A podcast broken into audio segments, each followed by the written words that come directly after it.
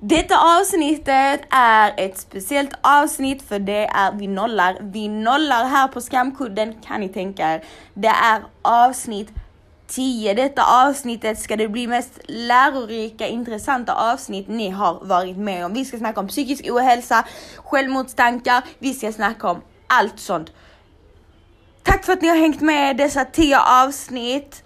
Nu nollar vi och nu är det bara framåt. Kötta som vanligt. Välkomna och enjoy!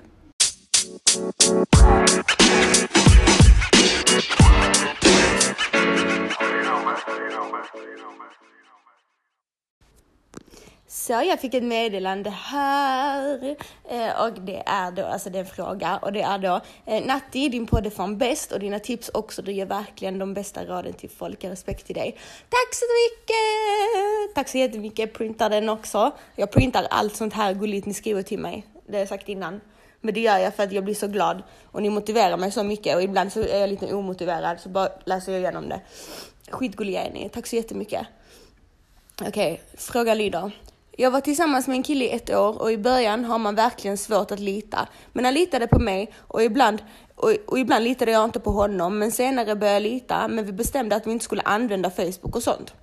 Han använde ändå och jag tänkte okej, okay, inga problem. Jag sa aldrig till honom. Jag, kan få din, jag sa aldrig till honom att jag kan få ditt lösen. Tills typ för fem veckor sedan så träffades vi och han började säga till mig att jag inte har t-shirt på dig på mig och sånt, har kofta och jag skiter i ifall det är varmt. Vad ska jag kofta när det är 26 grader ute? Sen när han åkte till Stockholm, han sa att han hade problem och att han hade tagit tillbaka hans Facebook. Och vad ser jag? Um, Eh, en tjej därifrån hade gillat hans bild. Jag snäade såklart och skrev till henne men hon var överuppkäftig. Men hon hade en dotter och svärde att de hade träffats men ändå riktigt fullt av honom och åka dit utan att fråga mig ifall jag vill med. Eh, kanske de inte har träffats men ändå, hur tänker man, vad fan är detta eller hur? Det var en dag jag var ute, en gamling kom fram till mig och säger vad fin du är och sånt. Jag säger till honom stick härifrån din luffare, jag blev rädd, tänkte han skulle göra något mot mig. Jag går hem, lägger mig, sover en timme, drömmer att jag blev våldtagen. Sen när man ser att jag ring, sen ser man att jag ringer min kille, han svarar ja och säger jag var nära att bli våldtagen. Han la på och skrev skriv inte till mig hit, det gick två dagar. Jag bara fy fan, du säger vänta lite nu, jag fattar ingenting. Eh, uh, killen han svarar jag säger var nära att bli våldtagen. Han la på och skrev Skriv ej till mig, skriv ej till mig, det gick två dagar. Jag bara fy fan du säger jag är ditt ex och sånt. Han bara ja du är. Han hade sagt till denna tjejen att jag är hans ex. Vad hade du gjort om du var i den situationen? Både du och Mario kan svara. Hade du gått vidare eller hade du väntat på honom tills han kanske kommer tillbaka? Okej, okay, den här sista delen fattar jag inte. Du är mycket dålig med punkt, punkt, punkt och kommatecken älskling. Men eh, okej, okay, vänta här. Först och främst gumman, fuck det där. Eh. Det sista du skrev. Det där med kofta. Hmm, mm. Alltså det är ingenting att ha. Släng detta långt åt helvete. Så långt du bara kan. Alltså vem är han att säga till dig att du inte får ha en t-shirt när det är 26 grader? Men vad är vi i Saudiarabien eller? Kasta! Kasta, tillåt inte dig själv detta. Vill du täcka dig så ska du täcka dig för att du själv vill det. Ingen annan anledning, aldrig. Vill du inte täcka dig så ska du inte göra det. Bara släng honom. Bara släng honom rakt åt helvete. Det där är bara skit. Sån osäker jävla kille. Sen att han bollar med dig så som han själv vill. Alltså det är ingenting att ha. Jag säger till dig. Alltså jag har inget mer att säga där. Det finns inget att lösa ens. Bara släng det. För att det, det, är ingen, alltså han skiter ju totalt i dig. Alltså det är inte för din egen skull att han, han skiter ju om du håller på att dö och coolar av i 26 graders värme för att du ska täcka dig. Det var för han själv är osäker. Uh, sen så använder han det ju, sen så antagligen så har han ju intresse för andra tjejer också. och Det kommer han ju fortsätta ha. Och ja, om jag ska vara helt ärlig, antagligen han kommer komma tillbaka till dig. Men frågan är om du är tillräckligt dum eller tillräckligt smart. Um, kommer du vara dum nog att tillåta att han ska komma tillbaka och, och köra med dig som han vill och bestämma över dig på det sättet att du ska ha på dig? Alltså girl, då kommer det bara fortsätta så. Det kommer inte bli något lyckligt förhållande överhuvudtaget. Uh, men det är överdrivet. Som sagt, han är helt totalt överdriven ute och cyklar. Släng, du är en vacker tjej. Uh, det liksom orkar ha sån huvudvärk i sitt liv. Helt ärligt, palla, fuck palla med sånt. Bara släng snälla, du ska kunna gå i fina klänningar på sommaren om du själv vill. Herregud, jag hade ju fått panik om någon hade sagt ta på dig kofta. Jag sagt ta du på dig kofta ditt jävla fitt helvete. Hade jag sagt. Nej, men med all respekt till dig gumman. Eh, jag tycker faktiskt att du borde du borde klippa, klippa banden med honom. Och du borde absolut inte vänta på att han ska komma tillbaka för att i grund och botten så är det ingenting att ha. Um, så som sagt, nu Mario är inte här och svarar på denna frågan, men jag vet att han hade svarat likadant och jag kan säga så här, Mario hade aldrig sagt till mig att ta på mig en kofta när det när det när, man, när jag har klänning på mig eller t-shirt. Alltså det är liksom, det hade han inte fått för sig att göra för det ligger inte i hans natur för han anser ju inte att att det på något sätt skulle eh, få mig att se negativ ut eller få han att se negativ ut. Um, så det, det jag bara säger till dig är att nöj inte dig med sånt. Utan eh, bara gå vidare. Och jag hade jättegärna velat alltså, så, typ, komma fram med lösningar och sånt med det, men när jag läser det här alltså, finns det inte. Det räcker med att han är som han är när det gäller um, Alltså när det gäller, och, när det gäller den där biten. Så do you girl, acceptera inte sånt. Det finns många fiskar i sjön. Uh, kasta och fiska upp nästa haj. Puss! Hur hanterar man jobbiga svärföräldrar där man måste läcka fin för att bli accepterad?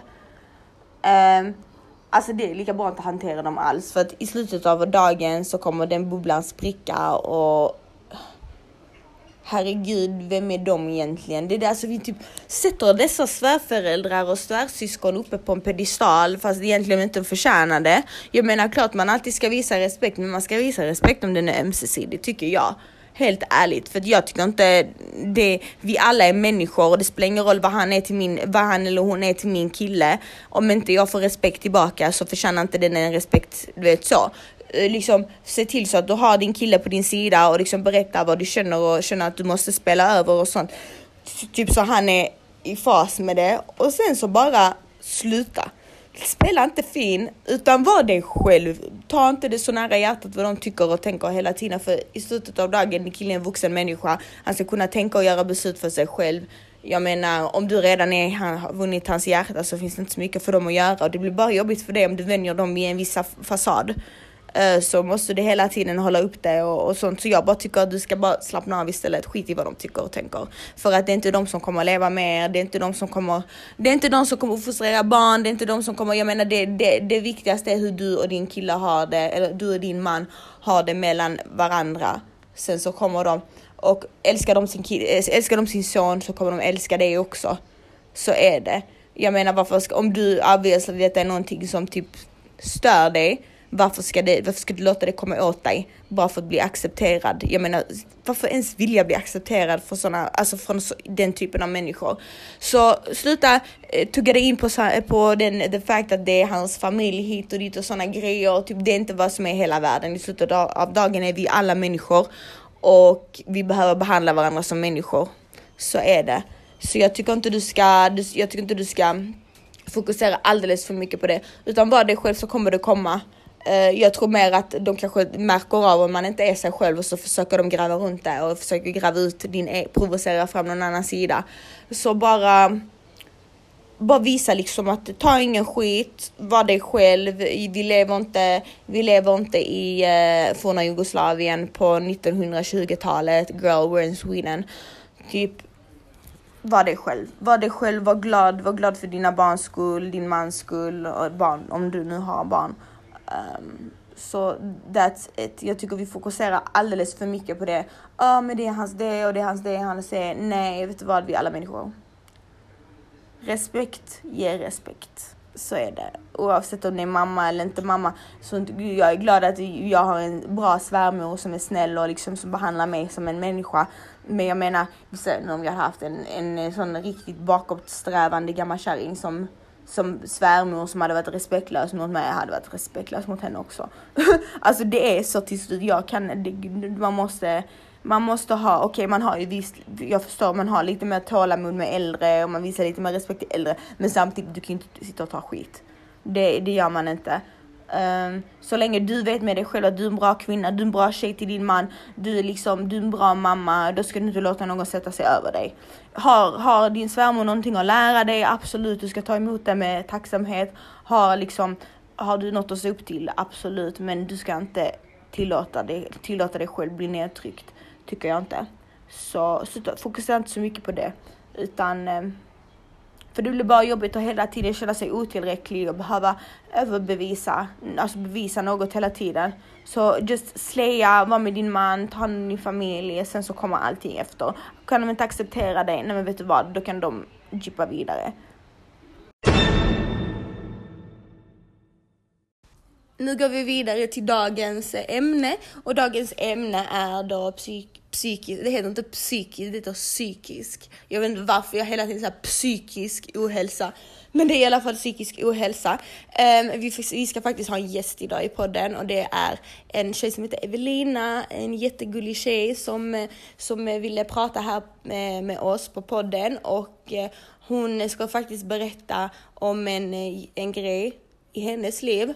Um, och det är då att, eh, att hur det är att leva med en förälder som lider av psykisk ohälsa. Och eh, eh, hennes pappa lider då av schizofreni och vanföreställningar. Och det är jätte, jätte, alltså jag tycker det är verkligen det är starkt av henne och och, eh, och prata om detta öppet och jag vet att det kommer hjälpa många och jag vet att det är många som lider av detta i tystnad. För det är många som lättare, enklare pratar alltså, om sin egna psykiska ohälsa men att det är svårare egentligen att prata om en förälders. Att det är lite mer, alltså lite mer känsligare. Så eh, credit till eh, Evelina då som kommer alldeles snart och eh, pratar med oss. Eh, vi ska, vad heter det, ta en eh, läsarfråga och då som är angående detta ämnet. Och det är så här. Eh, hej fina du! Din podd är grym och jag älskar din hjälp och pushar unga tjejer och kvinnor. Tack så jättemycket gumman!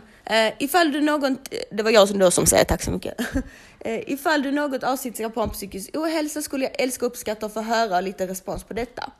I lite mer än ett år har jag mått väldigt, väldigt dåligt eh, och har haft problem med diagnoser som panikångest, eh, panikångest, ångest och PTSD. PTSD, det är väl um, tvångssyndrom, tror jag. PTSD. Jag tror det, det, är, väl, det är väl tvångstankar. Um, detta har förändrat mig som person och jag är inte längre den tjejen som jag var förut. Förut var jag väldigt social, positiv och rak, och sak, rakt på sak och jag var alltid, bokstavligt alltid med mina vänner, tjejer. Nu för tiden är jag bara hemma Eh, men problemet är att jag inte känner mig som mig själv, att jag undviker precis alla sociala situationer för att jag är rädd för att få grov ångest eller värsta eh, fall en panikattack. Eh, den terapi och behandling jag har, har blivit erbjuden och testat har inte fungerat. Min familj är inte så förstående och min relation till mina vänner är inte längre detsamma. Det är något som påverkar mig dagligen och undrar ifall du själv har någon erfarenhet av detta och ifall du något har några tips på hur man kan ta sig ut mörka perioder. Skulle gärna vilja vara anonym. Absolut får du vara det hjärtat. Kram på dig själv och styrkekrama. Alltså jo, jag relaterar jättemycket till dig. Verkligen. Jag, jag har själv eh, utvecklat social fobi de senaste åren. Jag, jag kan inte, jag har isolerat mig själv. Jag går inte ut längre så mycket. Jag, de, när jag går ut, går jag ut med min pojkvän. Um, jag känner mig otrygg i situationer, till exempel på kvällarna. Jag kan inte gå ut på uteställen, diskon och sådana grejer. Um, för det är ång ångestframkallande. Jag tycker till och med det är ångestframkallande att se um, alltså, klipp på Instagram, typ när mina vänner lägger upp när de är ute och festar och sånt. Då kan jag få ångest. Så jag relaterar jättemycket till det. Men det jag har kommit till, till, fram till, det är att det, blir, det, det, det, det dras så pass långt som jag själv tar det att jag tar, ja, det är jag som har tagit det så här långt. För att jag inte har tagit tag i det och så har det bara blivit värre och värre. För så som du säger, det har inte varit så hela tiden. Vi är inte födda med det, så egentligen, egentligen är det ingenting som ligger i oss på det sättet. Um, och jag minns alltså till exempel, det var en period nu i vintras, alltså jag, jag var inte ens i stan. Och när jag tänkte på att gå i stan så fick jag ångest. Men så tog jag bara småsteg, steg, steg och steg, steg, började gå ut lite mer och nu känns det bra igen. Med att vi inbillar oss, du inbillar dig. Och tro mig, nu tar jag inte, nu, nu förminskar jag inte vad du säger utan det är bara för att jag själv relaterar med dig. Och vi inbillar oss till den högsta graden att vi inte kan, att vi inte kan och det är någonting som har utvecklats men det är det inte utan det är vi som gör det värre och så är det våra, då jag har ADHD och eh, då en släng social fobi och så har du också det och det är den som sätter gränsen på att vi inte vågar försöka. Eh, men tro mig, tro mig att det är inte som du tror att det är utan du gör det till det. Eh, så jag, jag bara säger till dig, bara ta steget och bara liksom inse att okej, okay, nej men det är mycket mina, mina spöken i huvudet. Så försök ta dig tillbaka och liksom småsteg steg i taget. Det är ingen som säger att du, borde, du ska gå och göra värsta, det värsta tänkbara direkt. Men bara, typ, kom, bara acceptera att det är mycket i ditt huvud. Eller såklart ja, yeah, obviously det var Tuve. Men du förstår vad jag menar, att det är mycket vi kan styra över men som vi inte tror. Jag, jag trodde där ett tag att nej men jag har förändrats helt, jag kommer inte kunna gå ut, jag kommer inte hit och dit. Alltså jag har inte, jag umgås inte lika mycket med vänner, jag kan inte hålla vänskapsband riktigt längre. Jag vet inte varför, men det är någonting som har hänt. Men jag vet samtidigt att när jag väl tar tag i det så går det. Och jag vet så det är säkert så med dig med, utan med det att man, man förlorar lite självförtroende och man, man hamnar lite på den, den positionen att man inte riktigt har kraft att ta tag i det. Um, men uh, du ska absolut veta att du kan ta tag i det, du ska absolut veta att det är ingenting permanent och att det är bara att liksom ta små steg i taget. Um, som du säger, du är en social tjej egentligen och då är du är det. Du är det, det är ingenting som varken panikångest eller ångesten eller någonting har tagit ifrån dig. Du har kvar det i dig. För det är något vi kan tro också att, vi, att det är något, något som har blivit ifråntaget. But it's there girl. Det är bara vi som blockerar det med våra dumma tankar, med våra det och det och det och så blir det som en ond cirkel och så blir det mer och mer och mer. Och ju längre tid det går, du inte är dig själv, ju, ju mer tror du att du inte kan komma tillbaka till dig själv.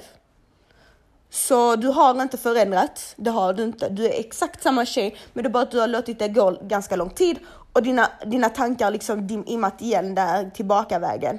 Så som sagt, bara liksom, och du vet vad, var öppen till dina vänner och säg så här, jag har mått så här, så här, så här. Snälla jag skulle uppskatta om ni hjälper mig, dra ut mig, dra ut mig, ta ut mig, liksom prata med dem för det är skönt när folk vet om, din, om, sin situation, om ens situation och hjälper en. Och, och så måste du utmana dig själv lite och det är så det löser sig. Men vi ska vara glada att det inte är någon permanent diagnos. Det är ingenting som hindrar oss egentligen i psyket. Det är ingenting vi inte är, alltså, det är ingenting vi inte ens är kapabla till att göra. Så bara kör på och bara liksom informera dina vänner. Skit i din familj om de inte bryr sig, skit i det. Skitsamma, för ju mer du lägger energi på det, det, är mer, det kommer mer ta din energi. Så jag tycker du ska bara ta tjuren i hornen som jag brukar säga och, och köra på och försök ta dig ut och även om du inte känner, för jag är sån typ ibland egentligen, jag känner inte alls för att gå ut och fika, jag känner inte alls för att träffa någon många gånger. Jag hade kunnat vara hemma instängd i mina men jag tvingar mig själv ibland och när jag väl är ute och gör det och när jag väl så, så känns det bra och så nästa gång det kommer på tal så känns det inte, så tar det inte emot lika mycket. Och jag har inte den rädslan att jag ska få panikångest, för jag kan säga så här, du kommer inte få panikångest. Samma sak, jag vet innerst inne. Min första tanke är när jag tänker på att jag ska ut och festa. Det är panikångest. Jag, jag kommer få panik. Jag kommer få panik där inne. Jag kan inte göra det. Jag kan inte dricka hit och dit och sånt. Men jag vet att när, om jag skulle väl göra det så hade jag ju inte fått panikångest. Men det är ens första tanke. Um, så försök att vara, försök att vara Tro inte att det är du du versus din hjärna, utan det är mer din hjärna och du versus the problem. Förstår du? Så det, det, det är mycket mindre än vad man tror och vi gör det större. Så lycka till gumman och, eh, och ta, ta, ta, ett, ta ett steg i taget men förstora inget i din hjärna och, och blockera inget för dig, för det är det vi gör. Um, vi ska vara glada att vi fortfarande kan göra det och vi kan göra det. Och tro aldrig att du har tappat bort dig själv eller att den gamla tjejen är försvunnen, borta, för det är hon inte. Utan det är bara du som har pushat iväg henne lite och blockerat henne. Lycka till girl, love you!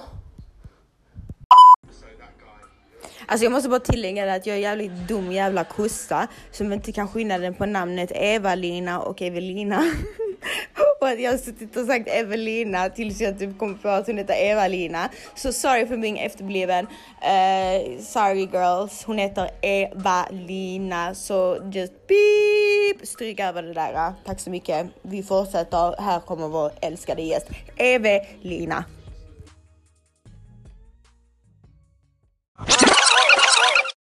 Alltså vänta, sa jag precis Evelina igen? Eva-Lina mannen! Fucking Eva-Lina! Här kommer Eba-Lina. Så äntligen har vi vår gäst här, Evelina. Hej gumman! Hej hej! nu äntligen fixar vi detta. Vi försökte trixa ihop här med det elektroniska så du ska kunna vara med i podden.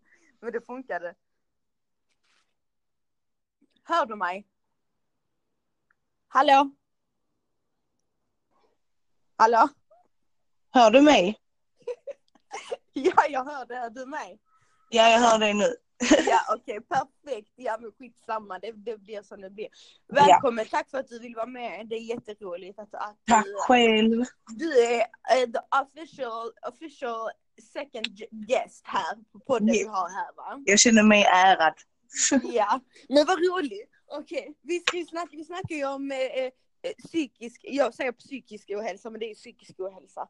Ja, jo det är det ju. Absolut. Ja. ja, vi snackar om psykisk ohälsa här och vi har ju pratat lite, vi har pratat lite hur man tar sig ur depressioner och typ när man själv mår dåligt. Mm. Men du ska prata om, eh, om att ha en förälder som lider yes. av psykisk ohälsa. Eller hur? Mm. Yes.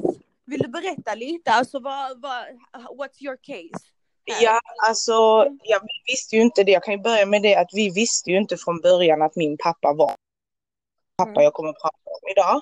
Yeah. Eh, och jag kommer då också säga det att jag pratar ur mitt perspektiv av vad jag har liksom fått för erfarenhet, vad jag har lärt mig och mm. vad som kan tillkomma liksom. Eh, så jag, är ju ingen psykolog eller läkare, så jag går ju utifrån vad jag tycker, tänker och känner. Liksom. Exakt ditt perspektiv här liksom. Ja, och eh, ja, alltså var kan mm. man börja? Alltså min pappa har ju egentligen varit sjuk sedan, ja, han var cirka 13 år gammal och då bodde han inte ens i Sverige. Mm. Eh, han är från Ghana ursprungligen. Mm. och ja, och där var det ju då, så som han har berättat, har det ju varit lite så här tabu och vara sjuk, liksom att du var lite så här annorlunda, det var inte okej okay och nästintill nästan, inte förhäxad, men alltså det var någonting dåligt liksom. Exakt. Eh, ja, eh, och ja, och det har varit allt från att han har liksom ja, men försökt ta sitt liv redan sedan han var 13 och ja, alltså bara mm. ha liksom tro på Men då visste de inte vad det var för någonting? Alltså, det... Nej, alltså de tänkte ju mer typ, ja men han är barn liksom, det, det är som det är. Och sen så när han blev äldre så blev det ju, ja men okej, du får då ja, men flytta någonstans så att ja, du får hitta dig någon som kan, alltså hitta någon som kan ta hand om dig, liksom en, en fru helt enkelt. Aha, eh, ja, och då ja, tog han sig till Sverige. Och jag kommer inte ihåg exakt hur gammal han var, men han var väl runt 20 första gången han kom hit tror jag. Ja. Eh, ja, eh, och sen så har det varit fram och tillbaka. Han har bott hos olika människor, och, alltså släktingar och så här som också har varit här och så vidare. Och som inte riktigt har hjälpt honom utan bara låtit det vara som det är liksom. Eh, Precis, de har inte riktigt vetat om sjukdomen. Nej, och sen också liksom att de kanske har lite förnekat det kan jag känna. Alltså att de har, har vetat om det men de har liksom inte velat inse det för det är en skam och det är skämmigt och det är pinsamt liksom. Eh, och det är det jag tycker är väldigt, väldigt tråkigt, alltså bland många, att det är... Att det är lite... Ja men alltså ja, att det är tabu liksom, och jag menar vadå, alltså alla kan må dåligt, alla kan vara ledsna liksom.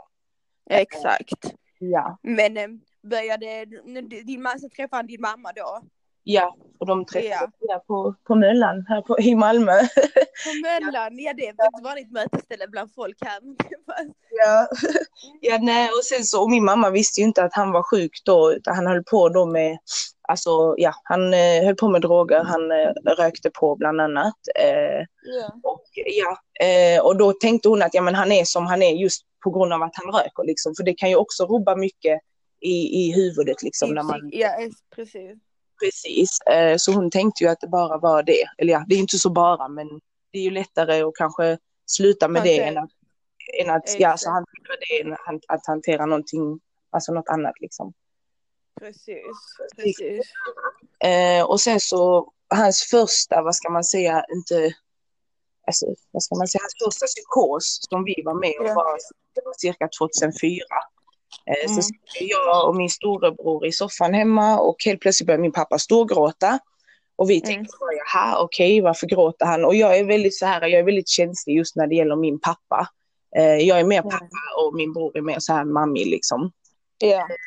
Så jag började ju också gråta. Eh, mm. Jag gick då i fyran tror jag, så jag började också gråta och tänkte, hallå varför gråter han? Och min bror började skratta och tänkte, hallå här sitter de och gråter för ingenting liksom. Ja. Går du ut till mamma i köket och bara, ja men pappa och Eva-Lina sitter och gråter i vardagsrummet och min mamma bara, jaha okej, okay, jättekonstigt. Och sen så bara min pappa sitter och typ skriker, åh jag får en kram, jag får en kram. Och då fattade ju min mamma att det var något som inte stämde liksom. Precis. Och hon ringde sin väninna och så åkte vi in till psykakut och de tog in honom eh, nästan direkt. Eh, och Ja. sa att du får stanna här ett tag helt enkelt. Ja. Vi har utrett dig. Och då var det då vanföreställningar som jag har uppfattat det är att du ser saker liksom som kanske inte, Som inte finns. som inte existerar. Och han har ju sagt Mm. till mig när vi har varit ute liksom när jag var liten att Åh, det står en liten gubbe där och så här och jag har inte sett någonting. Men jag har ju alltid liksom alltså så här Ja. klappat honom på ryggen ändå. Det har aldrig gjort mig någonting. Nej, precis. Aldrig stört dig. Nej precis, för det är ju min pappa och det är så han är och han får kontroll helt enkelt. Exakt. Ja, och sen så hade, ja, och sen så efter någon månad skickade de ut honom igen för att han är väldigt bra på att dölja att han är sjuk. Så de trodde ju att han Mm. var frisk ju. Eh, Ja, eh, så ja, de släppte ut honom igen och, eller jag släppte ut, han är inget djur, men ja, han fick komma ja. och känna på verkligheten liksom. Och sen har det gått upp och ner och sen eh, förra året gick det nästan riktigt illa. Han, eh, han ville inte leva längre. Han eh, pallar inte mer och han sa då att ja, men jag kommer gå och, ja, och skjuta andra och sen skjuta mig själv helt enkelt. Och då, då sa jag att det går inte. Jag fick hålla honom i telefonen och eh, min pojkvän min mamma och eh, sa att du måste ringa polisen nu eh, så han inte gör någonting dumt. För vi, alltså jag, jag vet själv att min pappa aldrig skulle skada någon. Han är världens snällaste människa. Men han hade Mm. på en fest och fått i sig alkohol. Och jag kan säga det, jag har aldrig sett min pappa full eller påverkad av alkohol i hela mitt liv. Och han, han inte egentligen och han ska inte dricka. Så då var han då inne i en psykosperiod och så hade han fått in fått i sig alkohol då. Så det var ju det som gjorde det här extra liksom. Exakt. Ja. Så det gjorde ju då saken värre helt enkelt. Eh, men eh, ja, så var han där hela förra sommaren. Och jag hälsade på honom nästan varje dag och såg till så att han hade Mm. liksom rena kläder och så här. Ja. Och allt möjligt. Och han, nu är han tillbaka igen på, Mm. alltså hemma. Bor han i Malmö? Ja, han bor i Malmö. Han har varit på Mm. psyk här i Malmö också. Och han är tillbaka på fötterna igen så att säga. Eh, Men nu får han en, eh, en antipsykotisk spruta i månaden helt enkelt som då ska få honom Mm. att sluta tänka på allt sånt här eh, som får honom att må dåligt helt enkelt. Och det är Mm. Det är ju tråkigt. Alltså det är ju bra, men det som är tråkigt är att han är inte samma människa längre. Så det har förändrat honom, själva medicineringen? Jag, jag kan ju säga det att om han inte hade varit sjuk hade han antagligen Mm. varit som han är nu. Men det är ju den här, alltså, Mm. Alltså jag känner ju inte den här lugna, Precis, du är van vid... alltså mycket skratt och mycket så här hoppa och stoja och alltså du vet hela tiden, alltså att det ska vara full rulle.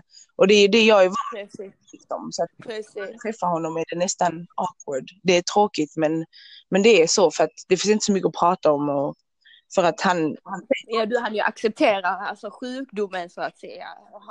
Nej, han säger inte så mycket så att det liksom känns bara som att man stör honom när man liksom vill träffa honom. Mm. Även om Ja, förlåt. Mhm. Så det har påverkat?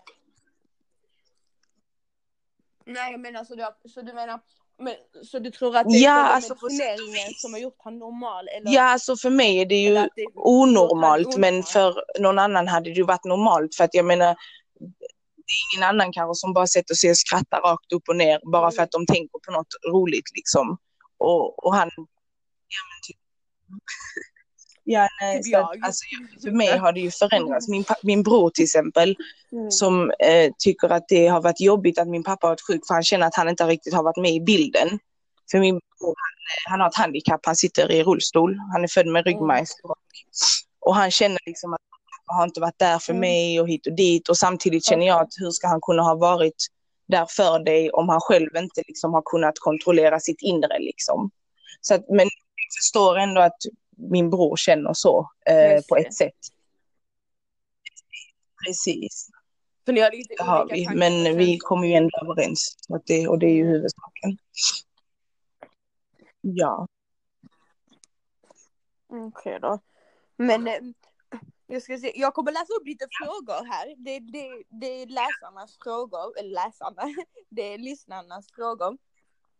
Och det, det, Ja. de har samma frågor som jag, så jag tänker att vi kan ju ta allt på en gång. Men så, det är någon som frågar, hur är det att växa upp med en, med en pappa med schizofreni? Du var ju inte, med, var, du var inte medveten om själva sjukdomen, så du tog... Det har ju alltid varit min pappa. Min pappa har alltid varit högljuddare än andras pappor och vildare än andras pappor. Du vet, har alltid haft det här lilla extra med det lilla extra så att säga. Eh, Men vi fick ju som sagt Mm. inte reda på det varken, alltså jag eller Precis. mamma eller min bror visste ju förrän väldigt sent och jag vet inte hur gammal är man när man går i fyran, typ 11, 10, 11. Ja, så att jag var ju ändå alltså, rätt Ja, stor när vi fick ja. reda på det. Så att det har ju inte varit att vi, som sagt, varken jag eller min mamma eller någon har ju vetat det. Så att vi fick ju reda på det rätt sent. Ja. Okej då. Men, men, men känner du att det på något sätt var skönt att du inte har vetat det? Alltså att du kanske hade sett det på annorlunda sätt om, om du hade vetat att men han har varit lättare att acceptera alltså, eh, om jag hade vetat det innan. Eh, men samtidigt förstod jag ju själv Mm. inte så jättemycket. Jag fick bara liksom hänga med på möten och så fick man träffa honom i ett kalt rum utan fönster och utan alltså massa grejer för att de inte ska kunna pilla på grejer liksom och göra någonting dumt. Så att för mig tror på ett sätt att det var ändå bra att jag fick reda på det när jag Ja, var så pass stor för att jag förstod mer. Men om jag hade yngre hade jag nog inte förstått något alls. För att jag har ju liksom Mm. alltid trott att, som sagt, att han alltid har varit den, Nej. den han är liksom. Precis, precis. Men ja, men kanske på något sätt då om du hade vetat att han var schizofren då kanske du inte hade typ tagit det så normalt. Du har ju ändå vänt det till något positivt. Alltså Ja, att, det, att han är så, att han har varit liksom det. Ja, och ett det tag har det ju liksom varit att man, till exempel jag ville ju inte att han skulle komma på mina skolavslutningar och så här för att han var alltid så högljudd och åh ja det är min dotter och han var ju bara stolt men att han liksom gjorde det till något så stort tyckte jag liksom var pinsamt ibland typ åh, varför kan han inte vara lika lugn som alla andras föräldrar och varför kan han inte bara ta en kaka när det står ta en kaka utan han tar fem alltså du vet verkligen och du vet det är saker vi kan skratta Ja. åt idag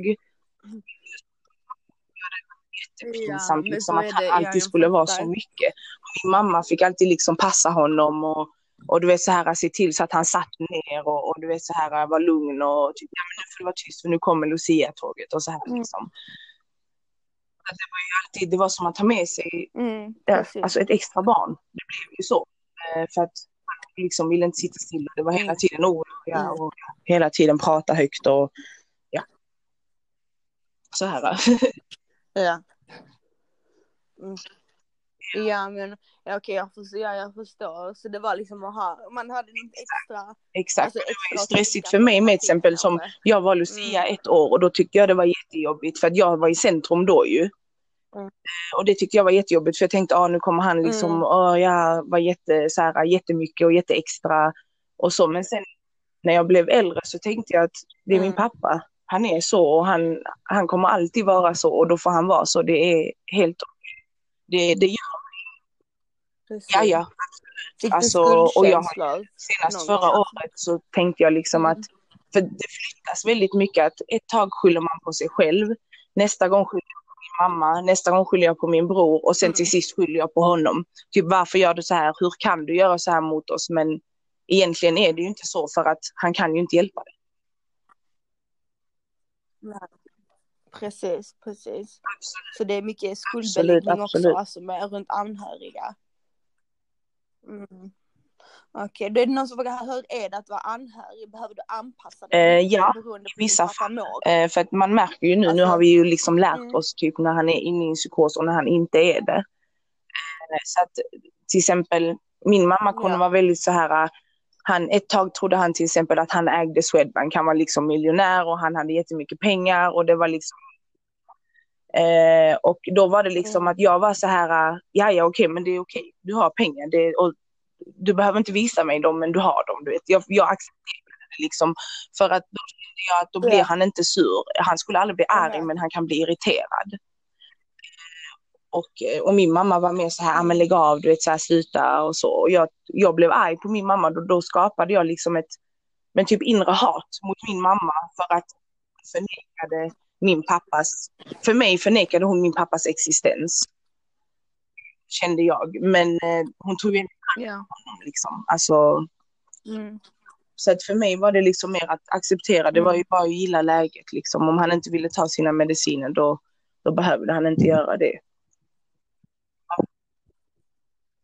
Nej, så du känner att ni alla liksom tre då har, alltså både din mamma och din bror, ni alla ja, tre har tagit det i absolut, olika absolut. och hanterat det Jag tror olika. min bror tog det värst, mm. alltså eller ja på sitt sätt. Alla sa, alla tar det på olika sätt, för han slutade ju kalla honom pappa ett tag till exempel och då blev han jättearg. Eh, och det ett inre hat.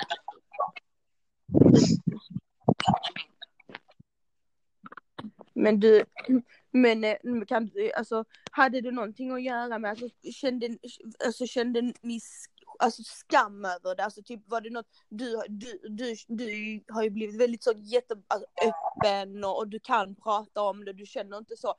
Men eh, var det någon gång ni kände typ att ni ville gömma det och ni, alltså typ normalisera Inte jag, men alltså, jag kan tänka mig att min bror var väldigt så, för att jag märker själv när han pratar om det även idag, så skämtar han om det. Han kan liksom inte prata om det seriöst. Eh, och det, det, och det är så han tar det helt enkelt. Han, och det kan jag tycka fortfarande är lite jobbigt att han pratar om det eh, för att det är en så alltså, seriös grej. Eh, men samtidigt kan jag också tro, alltså min mamma har sagt att det kan bero också eh, på funktionsvariation. Mm. Eh, att liksom ta det på det sättet och har tagit det så mm. hårt. För jag har ju också varit ledsen och, och så här och jag kan också skoja om mm. det och så här och min pappa kan också skämta om det men jag kan fortfarande vända det till något seriöst. Och min bror kan det, för han tycker att det är jättejobbigt. Mm. Ja, nej, det var det här frågan någon eh, exakt likadan fråga. Fråga om hon upplevt skam slash tabu stigma kring att ja. vara anhörig till en person med den diagnosen. För jag har exempelvis en bi bi bipolär kusin. Hela byn tror att vi, vi alla andra bär på det anlag i DNA mm. för att utveckla utläsa sjukdom. Ja, nej, alltså jag har Aha, aldrig känt, okay, alltså jag har bara mer skämts innan och det var innan när jag inte visste att han var sjuk det var då jag typ skämdes över att han mm. var så mycket. Men jag skulle aldrig någonsin skämmas över min pappa i dagsläget. Alltså aldrig. För att jag ser ingen mening med det och ingen anledning nej, heller. Nej. För att det är, det är så pass många som är det så att det är egentligen vanligare än vad man tror. Det är bara att folk helt enkelt. Och jag, ja, jag tycker att det, det, är så fel. Jag blir nästan arg. Att det så. Ja, jag kan tänka mig. Man blir ju, jag kan tänka mig att man blir väldigt så, man har en viss tolerans när det gäller en själv, men när det gäller ens föräldrar Det är de som ska ta tag i allt liksom. Det är de som går på mina föräldramöten, de gick på mina utvecklingssamtal, mm. de till så att jag mår bra. Mm. Men om min pappa själv inte mår bra, hur ska mm. han då se till att vi mår bra? Det är det att även om han har varit så pass mm. sjuk så pass länge så har han klarat sig jävligt bra. Alltså, sitta språket. Men ja, mm. alltså, Nej, det ja, så att, alltså, han har klarat sig jättebra. Han har haft jobb och alltså verkligen alltså, cyklat flera kilometer liksom mm. i snöstorm och drivis för att ta sig dit och komma i tid och skött sig liksom exemplariskt och haft, han har lägenhet, han har bott mm. på samma ställe nu i över tio år liksom, så han sköter ju sig. Men sen går Absolut, så han har liksom absolut. ett normalt det, Han gör vad han ska och vi kollar ju lite då och mm. då liksom, ja men typ så här, har du nu mat och har du pengar, alltså så att han inte liksom går och slösar sina pengar på onödiga grejer och så här liksom. Ja. Precis. Men några, nu sista frågan här. Det, vad, är, vad är några sjukdomssymptom eller diagnossymptom på schizofreni för de som inte så, vet riktigt vad Jag det kan ju som sagt bara snacka ur min pappas perspektiv.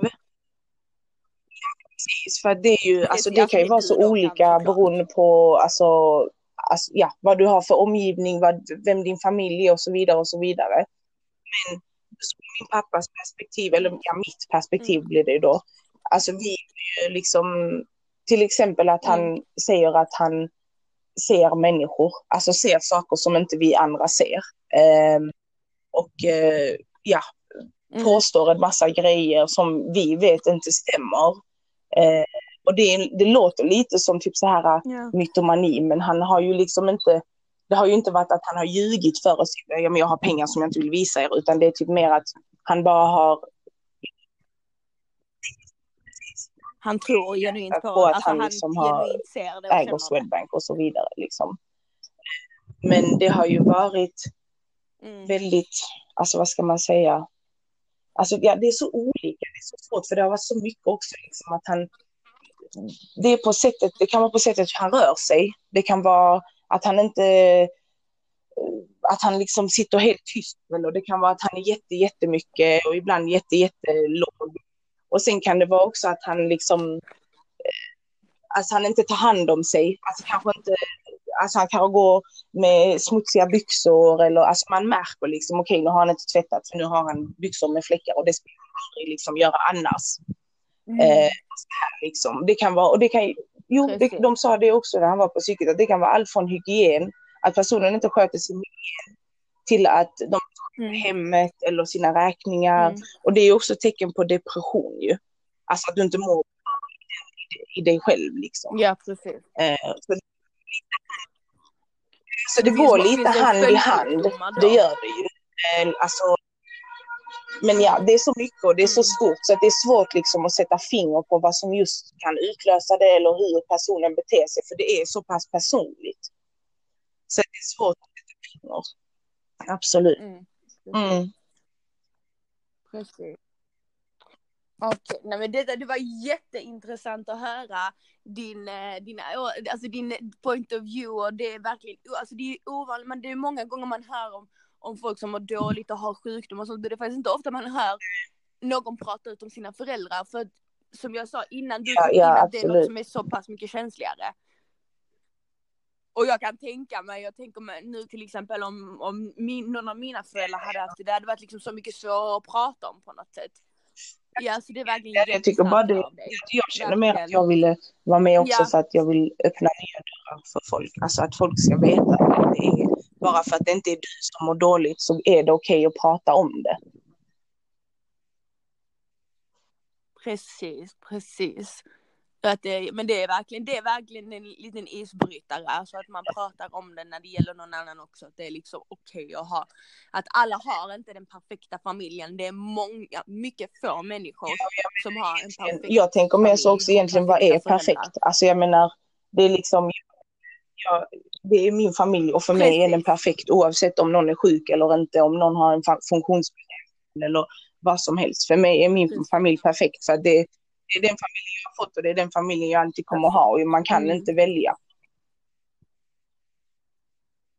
Nej, alltså det, det, du satte huvudet på spiken där.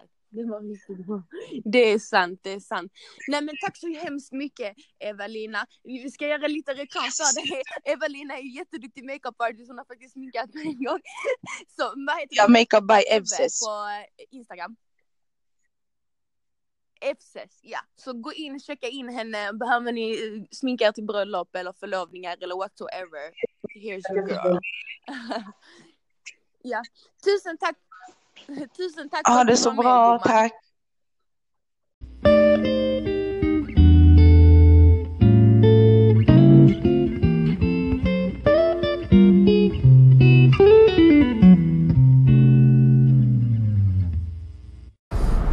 Så det var detta avsnittet. Jag hoppas ni tyckte det var intressant och lärorikt. Eh, jag tyckte det var jätteintressant, jag lärde mig mycket och det var väldigt, eh, det var, det var väldigt lärorikt att höra Eva-Linas eh, historia och ehm, hennes syn på detta. Jag tackar alla som har skrivit och, och velat vara med på podden. Om det är okej för er så kommer jag antagligen höra av mig och vill jag ha med flera om ni tyckte detta var roligt. Och ni som lyssnar Eh, och tyckte detta var intressant och tycker jag ska vi ska fortsätta ha med dessa gästerna i podden som eh, berättar om sitt liv och, och, och sina upplevelser. Eh, får jättegärna ge feedback. Eh, tills dess så så får ni ha en fortsatt trevlig helg. Det är lördag idag. Vi ska ut, jag passar min eh, väns hund så vi ska ut nu med hundarna. Hundarna. Vi ska ut med hundarna i ribban, på ribban, på havet, i havet. Jag ska dränka min pojkvän. I alla fall. Eh, tack så mycket för att du lyssnade. Ni får ha det så jättebra. Love you!